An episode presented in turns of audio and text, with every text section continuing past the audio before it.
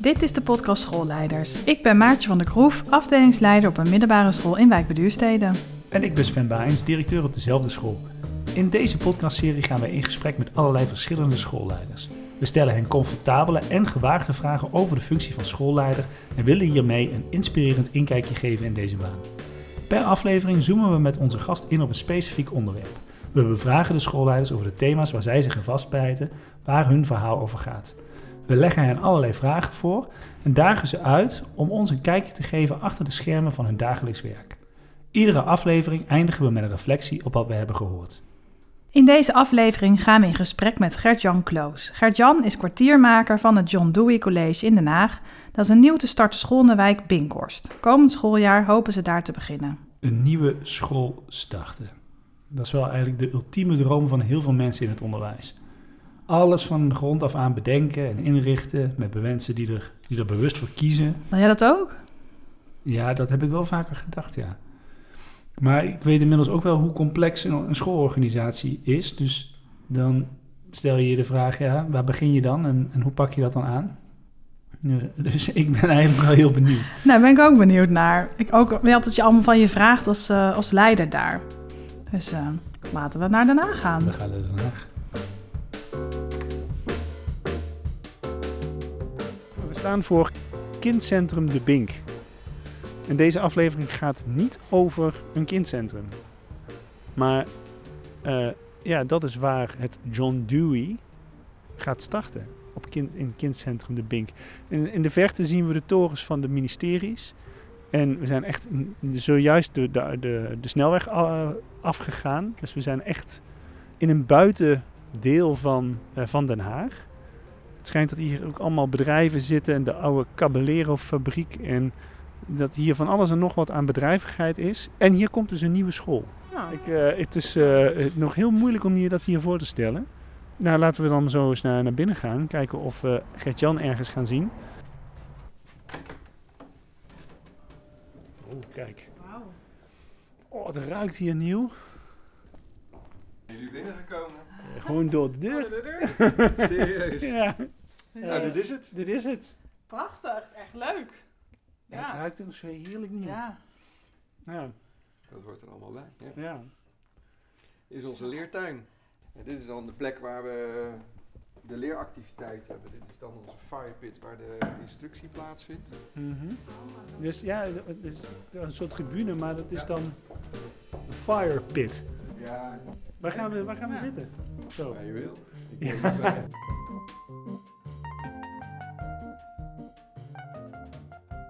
We zijn op bezoek bij Gert-Jan Kloos. Gert-Jan is 57, oorspronkelijk uit Leiden. Na het VWO studeerde hij Engels, behaalde zijn eerste graadsbevoegdheid, maar studeerde af in een tijd van een docentenoverschot, begin jaren 90. Daarom het bedrijfsleven ingegaan, vooral in sales en marketing bij uitgeverijen en later in de ICT. In 2010 toch weer teruggegaan naar het onderwijs, allereerst weer als docent op HAVO en VWO van 2005, 2010 tot 2015. Daarna werd hij rector op het Edenstein College in Den Haag, een school met een grote binnenstadsproblematiek. Veel leerlingen met een laag sociale economische achtergrond. En nu dus kwartiermaker van het John Dewey College.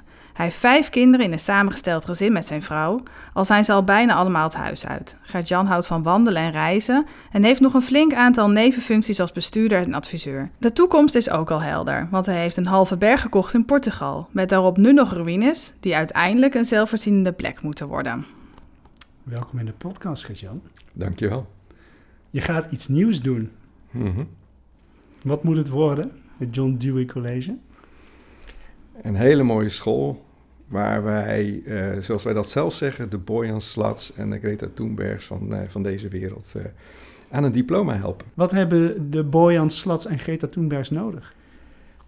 De Boyan Slats en Greta Thunbergs van, van onze school hebben in ieder geval nodig dat ze uitdagingen krijgen. Het idee is dat, dat de kinderen aan de, gang, aan de gang gaan met levensechte vraagstukken die we vanuit de maatschappij ophalen. Dat kunnen bedrijven zijn, dat kunnen ondernemers zijn, dat kunnen NGO's zijn, dat kan de gemeente zijn. Waarbij de vakken die ze regulier op een school krijgen, een plek krijgen om nou, de kennisbasis en de vaardighedenbasis op te bouwen. Maar dat ze ook met concrete oplossingen op vraagstukken gaan komen concrete producten gaan afleveren. En ja, daar moet je de ruimte voor krijgen, daar moet je tijd voor krijgen en daar moet je ook ja, betekenisvol onderwijs voor krijgen. En jullie starten volgend jaar met alleen het eerste leerjaar, toch? We starten in augustus inderdaad met leerjaar 1. En hoeveel leerlingen uh, hopen jullie hier dan te plaatsen? Wij mikken op uh, eh, 50 tot 60 leerlingen mm met een HAVO, HAVO, VWO of een VWO-advies. we hebben niet klassen zoals je dat regulier gewend bent. Um, we doen alles op, op één etage binnen ons gebouw. En daar zijn de leerlingen ja, in verschillende uh, leergebieden, uh, en dat zijn dan fysieke gebieden, uh, zijn ze aan de slag. Hè. Er is een instructieruimte waar ze instructie krijgen, er zijn samenwerkingsplekken, er zijn stilteplekken waar ze stil voor zichzelf kunnen werken. maar je zult bij ons geen klaslokalen met een deur vinden en een bord vooraan in de klas. Um, ja, wij, wij, zitten dus nu in een, op een etage bovenin een kindcentrum in, in de Binkhorst. het is hier nog helemaal leeg en, en het ruikt heerlijk nieuw. Mm Um, je bent hier in je eentje. Dat vandaag wel. Vandaag, ja, het heeft iets heel bevreemdends dat je in een, iets wat een, een school moet gaan worden, nu in je eentje bent.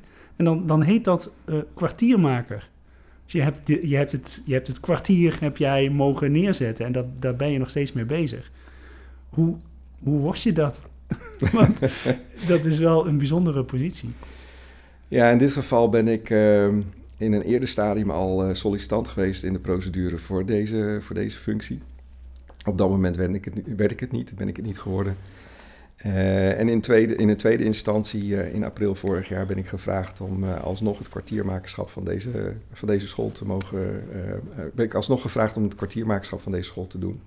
En daarop heb ik ja gezegd. Zo simpel kan het dus eigenlijk zijn. Je kunt gewoon solliciteren op een, eh, op, op een plek als, waar, je een nieuwe school kan, kan starten. Hoe weet je dan waar je moet beginnen?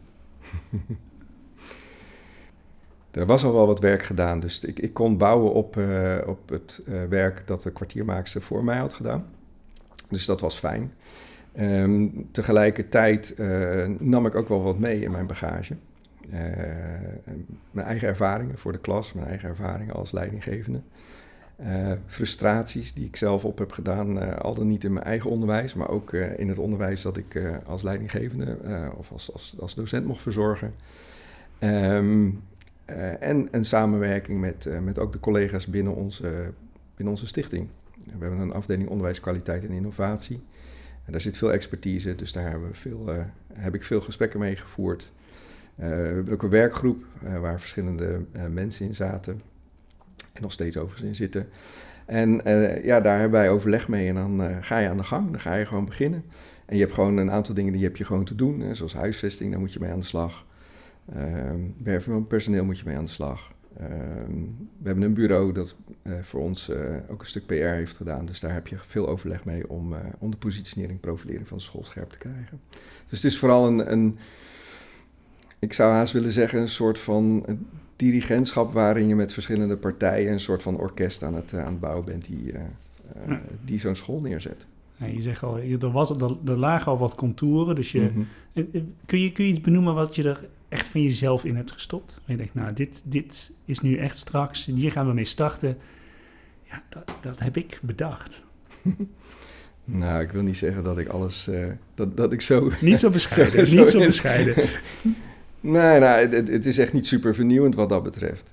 Uh, wat we anders doen uh, dan de meeste andere scholen hier in Den Haag... is dat we vooral in de vakoverstijging zitten... en vooral in een uitgestelde determinatie. Dus de drie jaar dat de kinderen bij ons in, uh, in, in een brugjaar zitten... voordat mm -hmm. ze uitstromen naar een HAVO-VWO-stroom.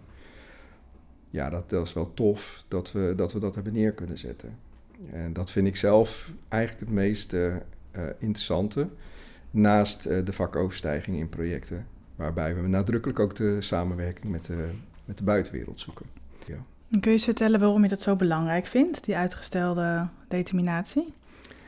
Nou, dat, dat um, is vooral in navolging van wat de Onderwijsraad heeft geadviseerd. Uh, we zien dat wij uh, in Nederland eigenlijk een van de weinige landen ter wereld zijn waarin we al zo vroeg determineren.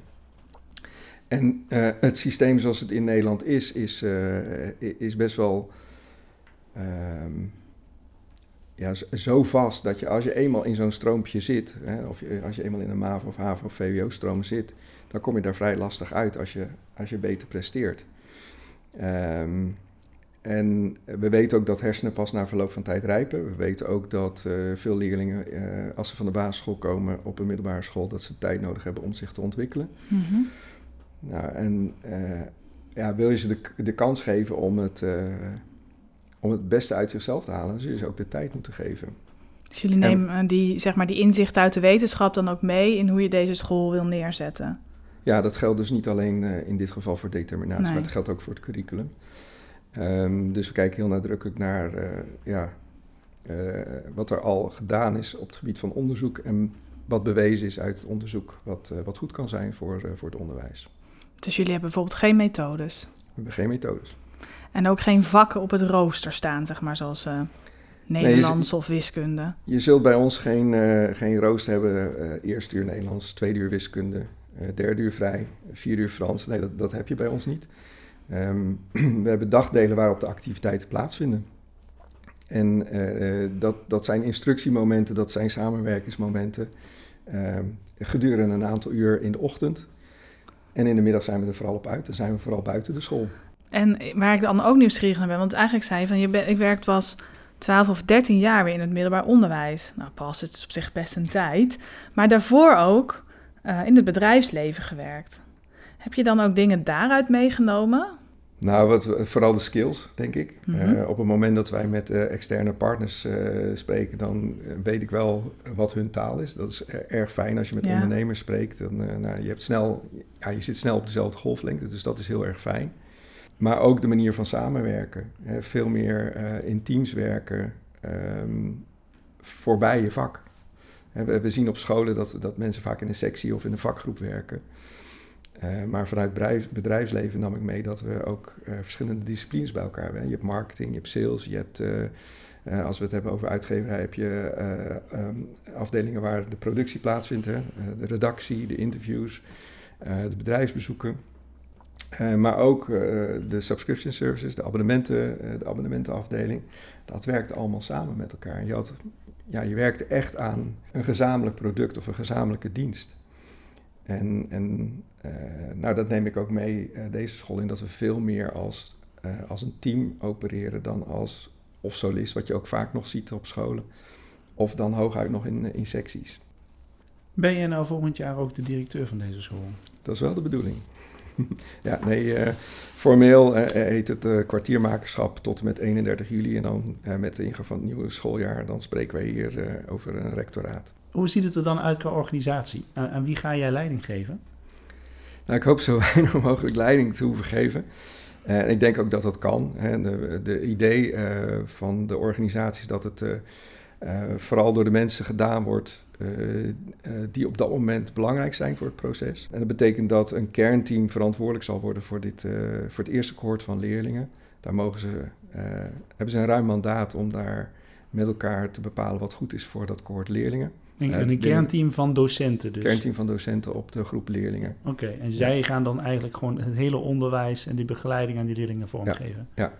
En daar hoeft geen afdelingsleider bovenop, of daar hoef ik niet uh, bovenop. Dat kunnen ze heel goed uh, samen, omdat ze heel nauw met de kinderen samenwerken. Mm -hmm. um, en ook als de school gaat groeien, willen we op die manier eigenlijk door, doorbouwen. Dus elk cohort heeft dan zijn eigen kernteam van docenten die de leerlingen begeleiden. Um, maar ook daar heb je geen leidinggevende voor nodig. Dat kunnen ze heel goed, heel goed zelf, als je het tenminste goed organiseert. Zijn er dan, ehm, want samenwerken op zichzelf in de uitvoerende zaak, zeg maar, is het één. Maar ook hoe werk je nou met elkaar samen en aan welke afspraken houden we ons? Hoe geven we feedback aan elkaar? Zijn dat dan zaken die, waar je mee bezighoudt? Of ja, daar zijn we ga je wel zien hoe dat gaat? Nee, nee, nee, daar zijn we nu als team mee bezig. Dus wij zijn nu uh, het team aan het vormen. Het eerste deel staat. Mm -hmm. Het tweede deel komt tussen 1 maart en 1 april. En daar, daar gaan we met z'n allen, en dat zijn we nu ook al aan het doen, zijn we afspraken aan het maken. Hoe werken we nu met elkaar samen? Ja, zodat het aan de voorkant echt helder is. Ja, en ik moet je wel heel eerlijk zeggen, het is natuurlijk heel klein. Uh, het zijn allemaal uh, zeer hoogwaardige professionals. zijn allemaal ook gericht op samenwerking. dus het is best makkelijk op dit moment. De, de, de uitdaging zal vooral uh, komen te liggen als de school gaat groeien en er steeds meer mensen bij gaan komen. Ja. Kunnen, kunnen we Uh, kunnen zo'n veilige omgeving waar mensen makkelijk met elkaar samenwerken, makkelijk elkaar feedback geven, kunnen we dat volhouden. En die contacten met die bedrijven en die kunstenaars en zo, moeten de leraren dat ook zelf uh, doen? Of is daar bijvoorbeeld een projectleider voor of zo die dat allemaal organiseert? Nou, we hebben daar een apart iemand voor aangenomen. Dat is iemand die al veel uh, relaties in de Binkhorst, maar ook in Den Haag ja. heeft. Um, dus die is daar nu al volop mee bezig. Dus de eerste samenwerkingsovereenkomsten zijn in de maak om, echt, om het concreet af te spreken met elkaar. Maar die, die, die is daar voltijds, althans voor, voor zover zijn aanstelling is, is hij daarmee bezig. En de doelstelling is ook dat op het moment dat er straks een module ontwikkeld wordt, een project ontwikkeld wordt door docenten en ze hebben behoefte aan een bepaalde samenwerkspartner, dat hij erop uitgestuurd kan worden. Van joh, zoek, zoek nou de juiste partner bij ons mm. erbij. En dan gaat hij op, op stap, zodat de collega's dat niet hoeven te doen. Want dat is best wel ook weer een, eh, een tak apart. Het is een aparte uh, tak van sport. Dan moet je echt, uh, nou, je moet weten hoe je dat moet doen. Ja, en ik denk ook als je als leraar dat ook daarbij moet doen. Dat is natuurlijk heel in, interessant en leuk, maar de waan van de dag en het werken met de kinderen gaat uiteindelijk ook heel veel tijd kosten. Ja, ja en, en, en, en echt een uh, goede customer relations, dat kost gewoon echt veel tijd. Ja, dat is ander werk. Ja, het is echt ander werk. Gaat het lukken? Heb je, heb je op 1, uh, 1 augustus, 1 september, heb je hier leerlingen rondlopen? Ja, ik ben ervan overtuigd dat het gaat lukken. Als je dat niet hebt, dan moet je, dit niet, dan moet je geen kwartier maken worden in mijn optiek. Dus uh, nee, we gaan voor goud. Dus uh, het gaat lukken. En lig je daar wel eens wakker van? Soms wel. En wat, en... Het eerlijke verhaal is soms wel, ja. En, wat, en wat, waar lig je dan over te malen? Het is best een scherp profiel. Uh, we leven in een stad die best wel nou behoudend is, als ik het op zo'n manier zou willen zeggen. Uh, dus dan schiet je wel eens wakker en denkt, ja, het zal toch wel dat mensen zich aanmelden. Uh, en dan weet je, ja, dan heb je een succesvolle open dag gehad. En dan weet je, ja, ik moet me ook helemaal geen zorgen maken. Natuurlijk wel. Um, huisvesting is ook wel iets geweest waar ik zeker in het begin, ja, dat vond ik best wel spannend. Dus ik had op een gegeven moment eh, contact gelegd met de directeur van het kindcentrum waar we nu zitten. En toen had ik, dat was een beetje van ja, als het niet lukt, mag ik dan bij jou. Hè? Dat was dan, was, ja. was dan een beetje het uitgangspunt. En uh, het antwoord was dan, nou, liever niet, maar als het moet, dan moet het.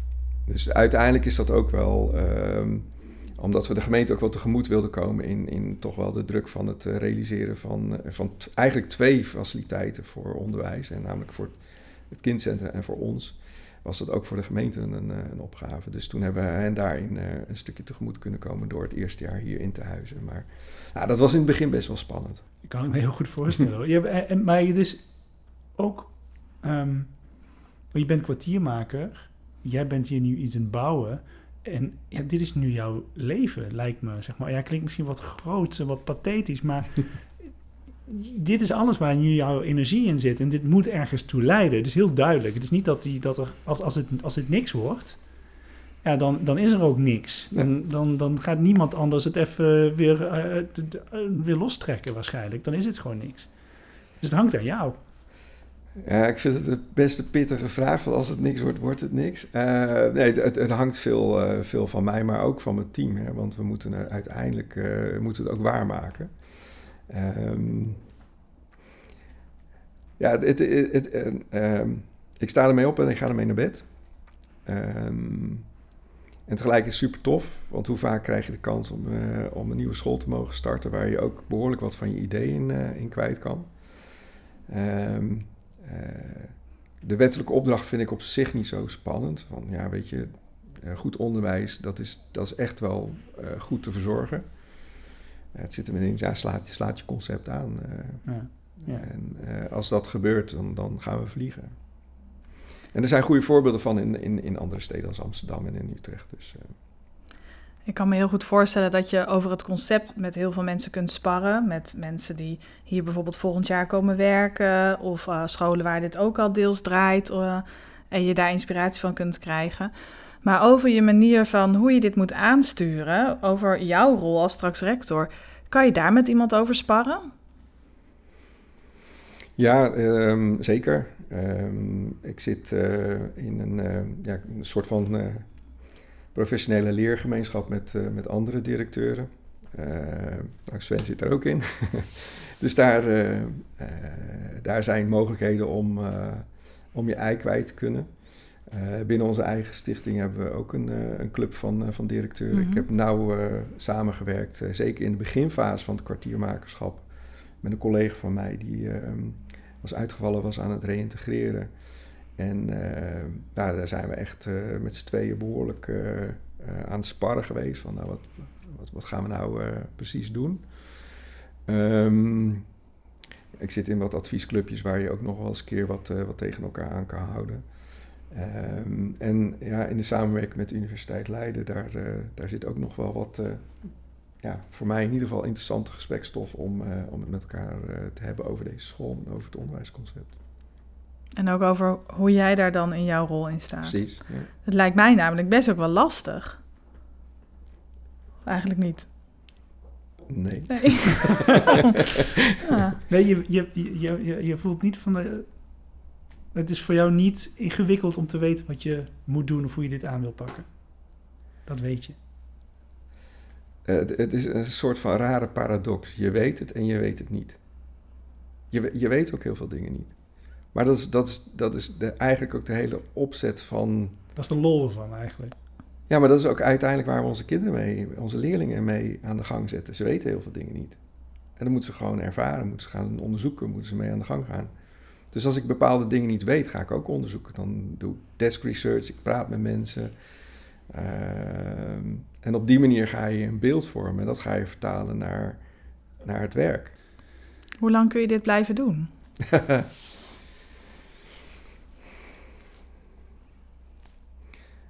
ja, jeetje, echt een moeilijke vraag. Hoe lang je dit kan blijven doen. Ik, ik denk, um, qua workload is dit, is dit niet zwaarder dan bijvoorbeeld een rectoraat. Wat, wat, wat ik bijvoorbeeld zwaarder vond dan deze, dan deze rol.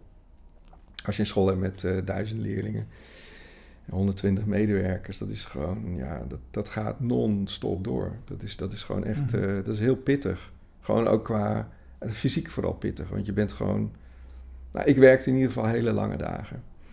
En nu heb ik, ja, weet je, het zijn allemaal eigenlijk deelprojectjes. En ja, als je een deelprojectje even door moet trekken, dan trek je door. Maar als het af is, is het ook af. Ja. En dat is heel fijn. Um, dus fysiek gezien denk ik dat je dit heel lang kan volhouden. Um, misschien als, als op een gegeven moment, en dat, dat zie je ook vaak bij start-ups, uh, dat op een gegeven moment een bepaalde mate van bestendiging moet krijgen, dat, dat dan iemand anders beter die rol over kan nemen van mij dan dat ik dat doe. Denk je dat dat minder bij jou past? Nou, ik ben wel een bouwer, dus ik ben wel heel veel bezig geweest. Ook twee eigen bedrijfjes gehad. Dus dat, ja, ik vind het wel heel erg leuk. Tegelijkertijd heb ik ook laten zien bij Edestein heb ik vijf jaar gewerkt. Uh, en dat, die, die school bestond al even? Die, die bestond al even en uh, ja goed, daar uh, heb ik ook met heel veel plezier gewerkt. Ik heb ook met heel veel plezier vijf jaar voor de klas gestaan. Dus het is ook niet zo dat ik continu een nieuwe uitdaging moet hebben om aan te blijven, zeg maar. Je ziet het gewoon wel. Ja. Maar goed, ik heb, ik heb voor mezelf ook wel zoiets van: ik weet niet of ik dit, of ik überhaupt, en dat is niet zozeer deze rol, maar überhaupt wel tot mijn 67 door wil gaan. Ja, want je hebt ook een berg gekocht. Yes. dus misschien, uh, jij wil je gaan wonen, toch? Ja. Wanneer? Nou, mijn doelstelling is over een jaar of zes. Ja, dus dan heb je geen baan meer in Nederland over een jaar of zes. Of is dat een soort hybride vorm van. Nou, daar ben ik nu over aan het nadenken van hoe, dat, hoe ik dat uh, eventueel vorm ga geven. Het, het, uh, een van de dingen is denk ik wel uh, goed om in het leven te blijven staan. Hè? Dus niet ergens in een teruggetrokken ja. plek zeg maar uitfaseren. Um, dus uh, uh, nog wel actief blijven, dat is iets wat, wat, wat wel uh, in de lijn der verwachting ligt. maar dat zal dan niet meer zo intensief zijn. Dus, dus ik ben daar wel over aan nadenken van hoe kan ik nou een deel van, van mijn tijd toch wel aan werkzaamheden blijven besteden. En een deel gewoon genieten van andere dingen van het leven.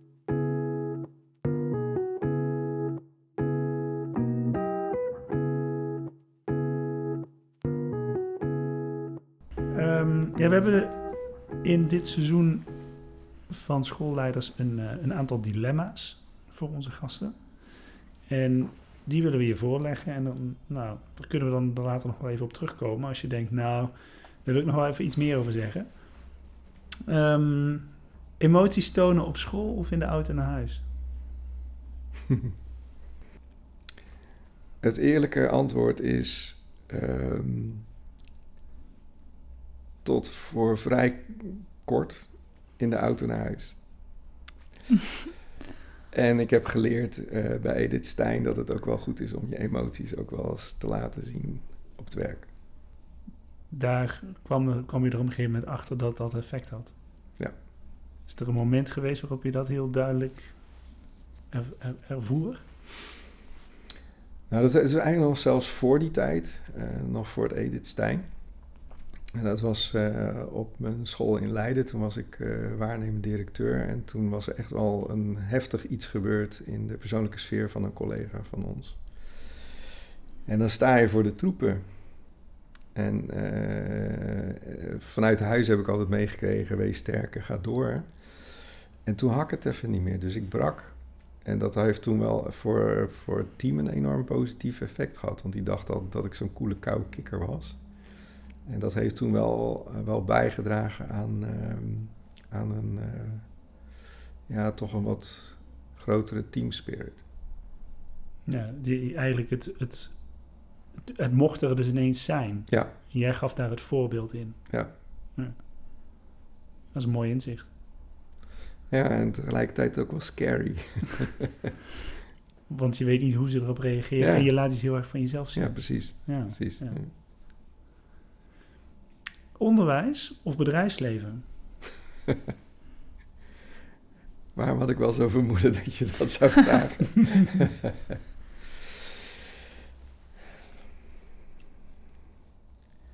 ik, ik, ik denk dat we in dit tijdgevricht eh, veel minder scherp die scheiding zouden moeten maken. Oh, wacht, je gaat nu even je gaat nu voor de middenweg kiezen. Ja, nou, je legt me een dilemma voor Ja, ik, zoek, ik zoek een uitweg. nee, maar ik, ik, ik, ik meen het serieus. Ehm, er zijn bijvoorbeeld in het bedrijfsleven ontzettend veel mensen die, eh, die graag eh, een deel van hun tijd in het onderwijs actief willen zijn. Maar op een of andere manier krijgen we dat niet voor elkaar. En eh, andersom denk ik dat het heel ge- gezond zou zijn als mensen in het onderwijs ook wel eens een deel van hun tijd in een andere, het hoeft niet per se bedrijfsleven, maar een andere tak van sport zouden kunnen doen. Ik heb wel eens een keer gezegd, eigenlijk zou iedereen eens in de zeven jaar, drie maanden iets anders moeten doen. Gewoon om Mhm. te ervaren wat iets anders is. Als ik zou moeten kiezen, en want dat is wat je uiteindelijk mij, eh, mij dwingt om te gaan doen, onderwijs. En waarom? Eh, uiteindelijk is dat de hele basis van onze maatschappij, waar we verder mee moeten. Daar bouwen we op voort, op, op, op de kennisbasis, de vaardighedenbasis die we hier op een school eh, meegeven aan de leerlingen. En daar, eh, want dit is een feitelijke constatering. Daar voel jij je dan ook het meest mee verbonden. Ja. Ik heb heel bewust een overstap gemaakt naar het onderwijs, eh, zo'n 12, 13 jaar geleden. Om maatschappelijk relevanter bezig te zijn dan alleen met aandeelhouderswaarde en winstmaximalisatie en dat soort zaken meer. Dus nee, dat, dat, zit, dat zit nu, in, in ieder geval in deze fase van mijn leven, zit dat er eh, heel erg in. Een groot bestuur of een eenpitter? Er wordt vaak over eh, afgegeven op grote besturen, maar ik ervaar in ieder geval het bestuur waar ik, eh, waar ik onderdeel van ben, ervaar ik een grote mate van, van autonomie om dingen te doen die ik kan doen. Ik word er ook voor gewaardeerd. Ehm, en het fijne is dat als er eh, als ik backup nodig heb, als ik, als ik hulp nodig heb, dat dat er is. En ik denk dat het onderwijslandschap inmiddels zo complex is geworden dat je dat als eenpitter heel lastig voor elkaar kan krijgen. Dus als je mij de keuze zou geven, groot bestuur, eenpitter, groot bestuur.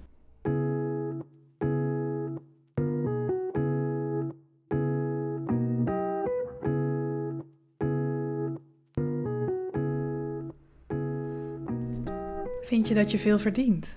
In geld, hè? In geld. Ja, wat verdient zo'n zo'n Ja, kwartier wat maken ja, eigenlijk? verdien je eigenlijk meer als een kwartier maken dan als directeur? Als directeur eh, verdien ik hetzelfde als nu als kwartiermaker. Of ben je daar eh, tevreden mee?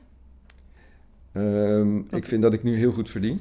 Als kwartiermaker vind ik echt dat ik heel goed verdien. Ik vind dat een rector van een grote school, als je dat bijvoorbeeld vergelijkt met het bedrijfsleven, dan is dat aan de onderkant van, Ja. eh, van de salarissen.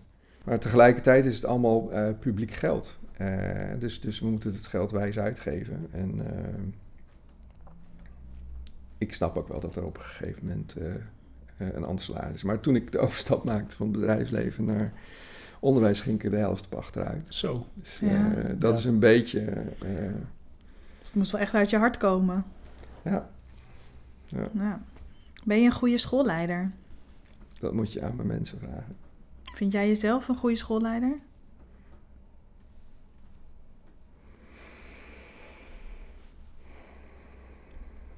Ik vind het best een lastige vraag. Omdat, ja, je kan jezelf een goede schoolleider vinden. Maar uiteindelijk doet dat er niet zo heel veel aan toe. Uiteindelijk is het toch echt wat de mensen van je vinden. Hè? De leerlingen, de ouders, het personeel. Die moeten wat van jou vinden als schoolleider. Heb je het wel eens gevraagd? Ja, ja, zeker. Ja, en ik werd ook beoordeeld. Eh, de, de, drie- eh, de bekende 360 Ja. graden feedback. En tegelijkertijd is dat elke keer... Er zijn momenten geweest dat ik finaal afgemaakt ben als schoolleider. En er zijn momenten geweest dat ik enorm opgehemeld ben als schoolleider. Ja, ik vind het zelf heel erg lastig om dat te zeggen. Zit je nu als schoolleider op de goede plek? Passend bij waar jij goed in bent? Nou, ik, ik, ben- ik ben wel wat dat betreft een ondernemende schoolleider. Dus, dus dit is wel iets wat heel, Ja. heel, veel, heel goed bij me past. Ehm, en ik vind het heel fijn om zeg maar zo'n functie te hebben waarin er een, ja, eigenlijk niet zoveel is of niks is. En, eh, en dat ik daar iets mag neerzetten. En dat, vind het bouwen kan, daar Ja. kan zijn. Ja, dat vind ik heel tof. Dus ik denk dat dat eh, een zeer passende functie is voor mij op dit moment. En Wat vind je het zwaarste aspect van je werk? Nu? Ja, of gewoon van het werk als schoolleider? Nou, eh, dan heb ik het eh, eigenlijk over mijn vorige rol. Vond ik het lastigste eigenlijk de continue strijd om personeel. Ja. Dat vond ik echt het, het, het meest lastige. En soms ook keus maken van ja, dit is second best. Of misschien zelfs third best. En Maar we moeten iemand... Toch beter dan moet niks. Ja, dat, dat vond ik echt, echt eh, heel lastig. Daar, nou, dat vond ik echt heel, heel, heel naar. Nu zijn er niet zoveel dingen waarvan ik zeg, van dit is, dit is, Zwaar. het is eigenlijk een feestje allemaal. ja. Ik heb ook nog een andere vraag. Die, jij bent ook eerst eh, de hele tijd leraar geweest hè, en daarna overgestapt naar een rol als schoolleider. En eh, toen ik dat deed, eh, vijf jaar geleden, toen vond ik het heel erg voelen alsof ik zeg maar echt een ambacht achter me liet, zeg maar. Ik, ik geef nog steeds wel eh, een klas les. Ik heb, doe dat nog steeds met heel veel plezier. En lesgeven voelt voor mij echt als een ambacht, echt als een vak. En dat vond ik heel lastig om dat als schoolleider ook te voelen. Om, om het gevoel te hebben dat dit, dit ook echt een vak was. Vind jij schoolleiderschap een vak? Ja. Dat is ook een vak. Ja. En ehm, het heeft andere aspecten dan, eh, dan lesgeven. Maar het is nog steeds een vak. En dat, dat verbaasde me ook toen ik het onderwijs in, inging. En ik, ja, ik, ik was er heel lang natuurlijk niet mee bezig geweest, alleen als, als gebruiker. Ja, als, als ouder Ja. die zijn kind naar school stuurde. Maar het was me opgevallen dat ontzettend goede docenten, als ze dan carrière wilden maken, dan gingen ze, gingen ze een schoolleiding in. En dat waren dan niet altijd de beste schoolleiders. Want je hebt daar weer andere competenties voor Mhm. nodig om goed schoolleider te zijn dan een goede docent te zijn. Ehm, dus we hebben goede docenten verloren aan, eh, aan het schoolleidersvak. Ehm, en het is niet voor niks dat we de laatste tijd ook steeds meer eh, bezig zijn met professionele, eh, professionaliseren van schoolleiders. En er zijn, zijn enorm veel ehm, eh, opleidingen, trainingen om het, het, het schoolleiderschap te professionaliseren. En ik denk dat dat alleen maar goed is. Je zult alleen los moeten komen van je vak. Hè? Want het- het- Ja. als je kijkt naar, naar de semantiek, eh, eh, eh, het, het vak geven, daar zit al zeg maar, het vakmanschap in.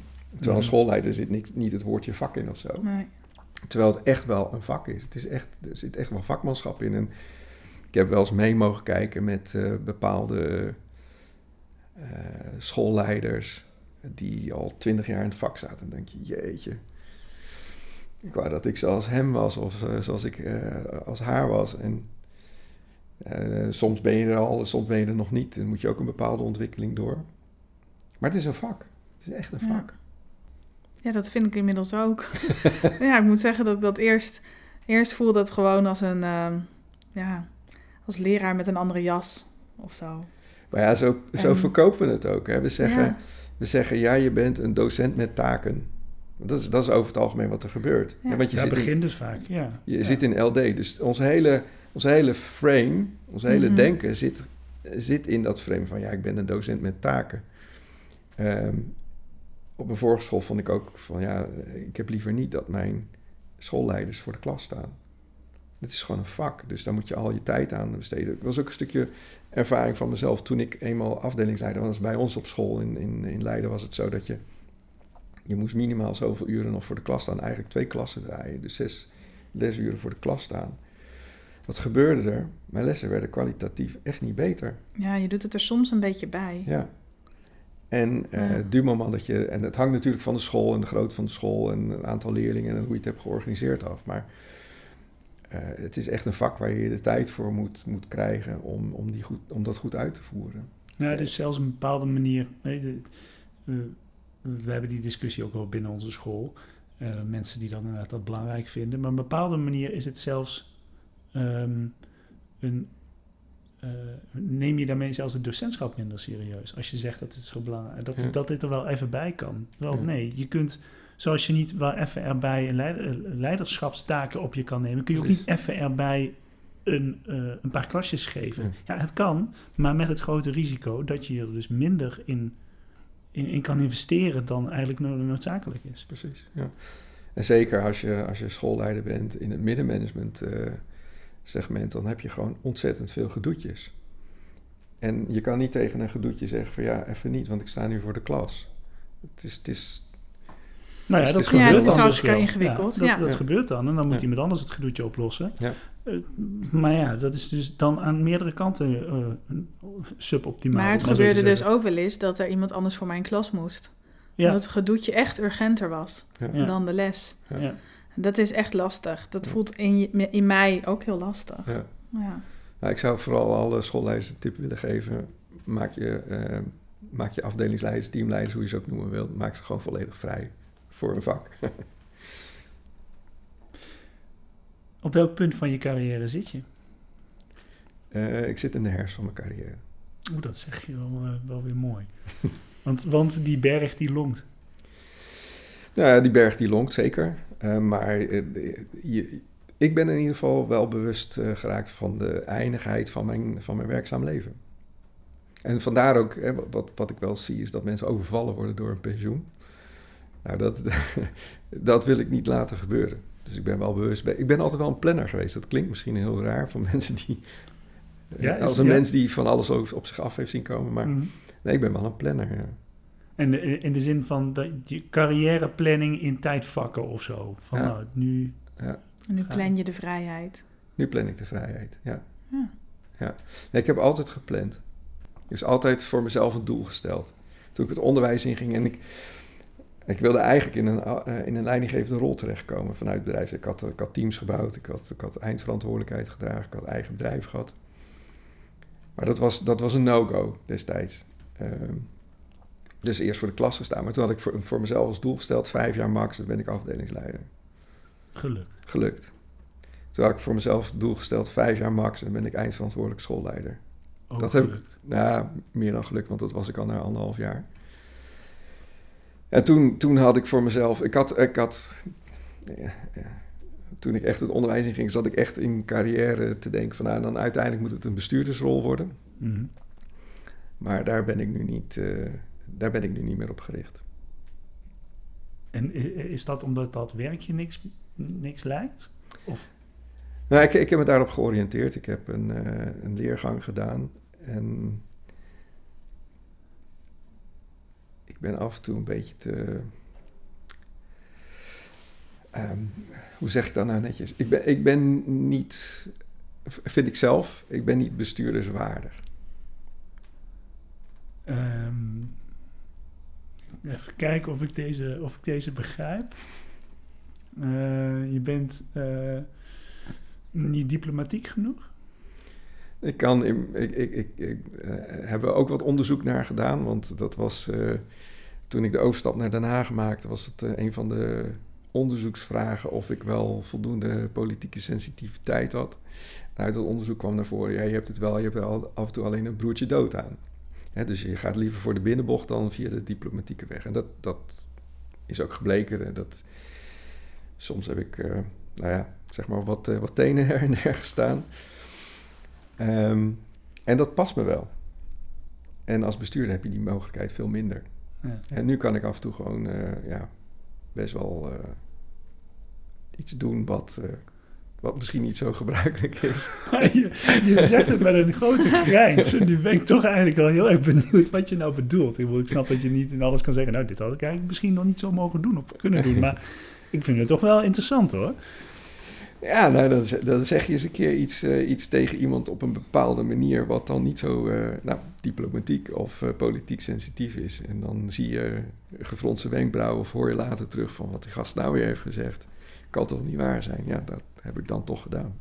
En, en dat past misschien ook wel gewoon heel erg bij zo'n rol als hier iets nu bouwen. Je moet iets voor elkaar krijgen. Je moet misschien iets, iets, iets regelen.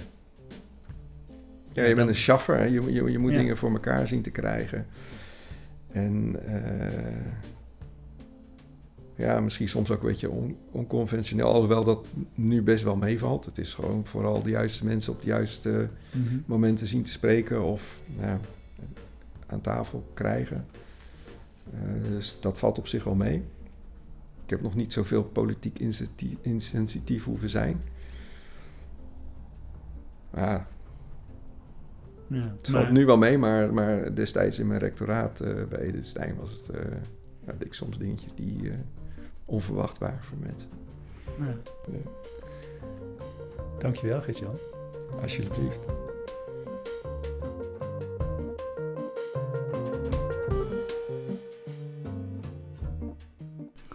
Dat was Gert-Jan. Ja, ik ben benieuwd, Sven. Denk je nog steeds eh, dat je wel eh, een eigen school wil eh, starten? Ja, ik, ik ga wel lekker op die energie. Ja, Hij was wel... ehm, ja, daar zit gewoon heel veel eh eh, jaloersmakends in zijn werk momenteel. Dat je met al die partners samen iets neer gaan zetten. Hè, dus echt iets, je bent echt iets aan het bouwen, zoals Ja. je al heel mooi aangaf. Maar je kunt gewoon ja, alles weer helemaal uitdenken. Helemaal zoals je het zelf wil. En deels natuurlijk zijn eigen ideeën, maar deels wetenschappelijke inzichten. Ja, dat is wel jaloersmakend. Ja, dat moet ik wel, eh, wel echt wel zeggen. Ehm, het is ook wel heel solitair nu. Ja, Sowieso ja. komt het wel over. ja sowieso was het natuurlijk waar wij waren nu in de school nog leeg. En hij was de enige die er was. Ja, precies. Dat lijkt voelt heel tegengesteld. Hè? In de school is vaak zoveel het leven juist. Ja, en daar is het nog echt helemaal leeg. En dat, ja. ja, dat lijkt me dan ook wel echt extra pittig nog aan. Maar dat, dat gevoel kreeg ik niet dat hij dat zelf ook zo vond. Nee. Nee. Nee, hij, hij was best stralend en heel veel vrolijkheid en eh, Ja. hij genoot wel hiervan. Ja, en wat ik daar wel ook wel heel boeiend aan vind, hij, ehm, het, hij ziet het echt, het is een project, je ziet het, hij pakt het helemaal aan. En hij zei van, ja, ik, ik, eh, ik, ik, ik sta ermee op en ik ga ermee naar bed. En toch proefde ik een, een vorm van distantie. Mhm. Het, het is niet dat hij zichzelf erin heeft verloren. Dat, ik vrees dat mij dat nu zou overkomen. Dat ik echt op alle dingen zou gaan, over zou gaan nadenken en er helemaal voor zou gaan en er zelf dus in zou gaan verliezen. Ja. Ik denk ook, ja, hij is 57. Hij is echt, hij zegt het zelf, in de herfst van zijn carrière. Ja, zou het dat het zijn? veel Moet gewoon nog wat ervaring. wijzer worden. Ja, nog Ja. even een paar jaar wachten. Ja, ik denk, ja, is misschien wel een goed Ja, is misschien ook mooi, een soort meesterwerk aan het eind. Ja, nou ja, zo, eh, zo, zo lijkt hij het wel te beleven. Ja, dat Ja. is wel echt gaaf. Ja, ik, ik, het, inderdaad, die, eh, die soort ja, de energie waar het dan mee, aan mee samen ga- gaat, vind ik ook heel leuk om te zien. En een van de dingen die me natuurlijk ook heel erg eh, ja, is bijgebleven van zijn verhaal, is de opmerking dat hij eigenlijk als advies zou geven aan alle schoolleiders om geen les te geven Ja. erbij. ja, die hebben we nog niet eerder gehoord. Nee, want juist eigenlijk vaak het tegenovergestelde. Hè? Ja, Hoe belangrijk het is dat vooral afdelingsleiders eh, of teamleiders les blijven geven. Ja, dat zit ook vaak hebben- in vacatures. ja, want dan houden ze voeling met de werkvloer. Ja, Ja, en hij zegt eigenlijk heel duidelijk: nee, want het is een vak. precies. En om dat vak helemaal van schoolleider helemaal te zijn, zeg maar, is het belangrijk dat je die andere pet afzet. Nou, maatje, Zo. ja, daar, daar gaat je aan voor vijf. Ja. Ja, voor mij is het heel erg een soort van, eh, ik zou dat helemaal niet willen loslaten. Omdat je een lesgever gewoon te leuk Ja, vind vindt. ik heel leuk om te doen. Ja. Maar snap je wel dat, het, dat, er, dat er iets te winnen valt op het moment dat je het zou loslaten?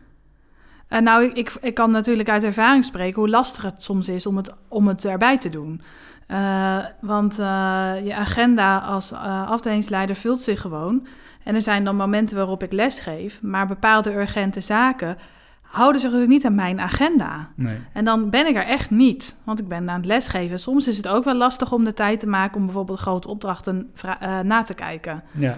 Maar goed, dat is voor leraren ook heel vaak heel lastig. Die moeten daar natuurlijk ook gewoon tijd voor inruimen. Dus ik heb het gewoon nog nooit zo, nog nooit zo bekeken. Ik zie het eigenlijk vooral als iets positiefs. ja. Om les te geven en die voeling te houden. En neem dan de, soms wat nadelen op de koop toe. Eentje om te Maar ik onderzoeken. ga er wel eens over nadenken. Ja. Dit was weer een aflevering van Schoolleiders. Wil je meer weten over de scholen die we bezoeken of over onze eigen school Reviuswijk? Check de show notes of neem een kijkje op onze site schoolleiderspodcast.nl. Schoolleiders is een productie van ons, Maatje van der Kroef en Sven Baaiens. Met veel dank aan Joost Kenson, bestuurder van de CVO-groep, voor de steun en de ruimte die we hebben gekregen om de podcast te maken. Het artwork is van Carlijn Zinken, docenten beeldende vorming op Reviuswijk. Onze dank aan haar is groot. De muziek is verzorgd door Maarten van Giethuizen en gemaakt door Chad Tuthill. En wil je reageren op de podcast? Dat kan via onze website schoolleiderspodcast.nl. Daar vind je ook ons archief van eerdere afleveringen. En ben je enthousiast geworden over de podcast? Deel hem dan in je netwerk. Vertel erover aan collega's. Volgende week zijn we terug met een nieuwe aflevering. Bedankt voor het luisteren. Tot dan! Tot dan.